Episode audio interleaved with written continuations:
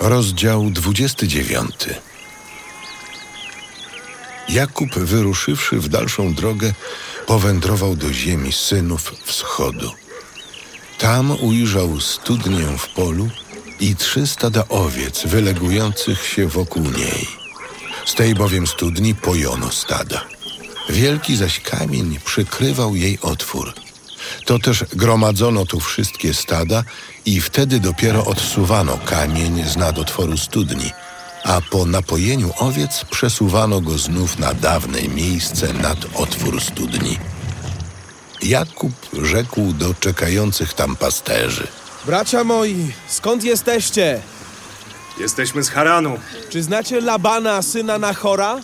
Znamy! Czy dobrze się miewa? Dobrze. Ale oto jego córka Rachela nadchodzi z trzodą.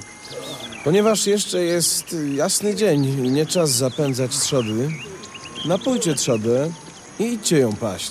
Nie możemy poić, dopóki nie spędzą wszystkich stad i nie odsuną kamienia z natotworu studni. Wtedy będziemy poić owce. Gdy Jakub tak z nimi rozmawiał, Rachela, która była pasterką, nadeszła ze stadem owiec swego ojca. A gdy Jakub ujrzał Rachelę, córkę Labana, brata swej matki i trzodę tegoż Labana, podszedł, odsunął kamień z natotworu studni i napoił trzodę Labana. A potem ucałował Rachelę i rozpłakał się w głos. Kiedy zaś powiedział Racheli, że jest siostrzeńcem jej ojca, synem Rebeki, pobiegła i opowiedziała o tym swemu ojcu.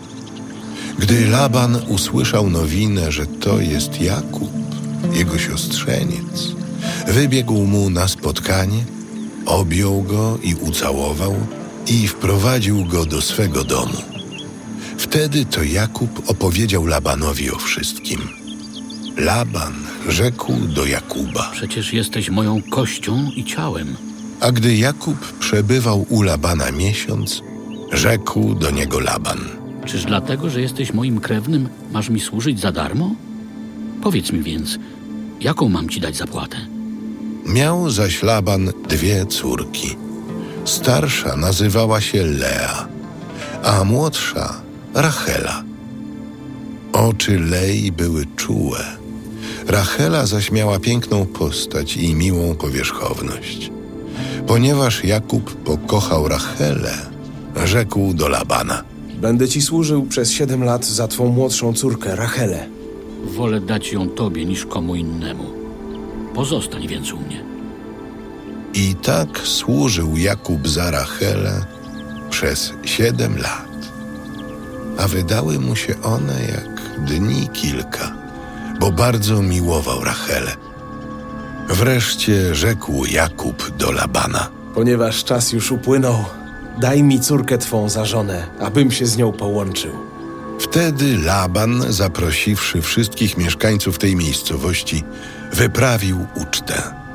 A gdy nastał wieczór, Laban wziął córkę swą, Leę, i przyprowadził ją do Jakuba. I ten zbliżył się do niej. Dał też Laban tej swojej córce niewolnicę Zilpę. Rano Jakub zobaczył, że ma przed sobą Leę. Rzekł więc do Labana. Cóż mi uczyniłeś? Czyż nie za Rachelę ci służyłem? Czemu mnie oszukałeś? Nie ma tu u nas zwyczaju wydawania za mąż córki młodszej przed starszą. Bądź przez tydzień z tą, a potem dam ci drugą, za którą jednak będziesz u mnie służył jeszcze siedem następnych lat. I Jakub tak zrobił. Był przez tydzień z Leą. Potem Laban dał mu córkę swą Rachelę za żonę. Racheli dał Laban również swą niewolnicę, Bilchę, aby jej usługiwała. Jakub więc zbliżył się do Racheli i kochał ją bardziej niż Leę. I pozostał na służbie u Labana przez siedem następnych lat. Gdy Pan widział, że Lea została odsunięta, otworzył jej łono. Rachela zaś była niepłodna. Lea poczęła więc i urodziła syna i dała mu imię Ruben, mówiąc: Wejrzał Pan na moje upokorzenie, Teraz mąż mój będzie mnie miłował. A gdy znów poczęła i urodziła syna, rzekła: Usłyszał Pan, że zostałam odsunięta i dał mi jeszcze to dziecko. Nazwała więc je Symeon. Potem znów poczęła i urodziła syna i rzekła: Już teraz mąż mój przywiąże się do mnie, bo urodziłam mu trzech synów. Dlatego dała mu imię Lewi. I jeszcze raz poczęła i urodziwszy syna, rzekła: Tym razem będę sławić Pana. Dlatego dała mu imię Juda. Po czym przestała rodzić.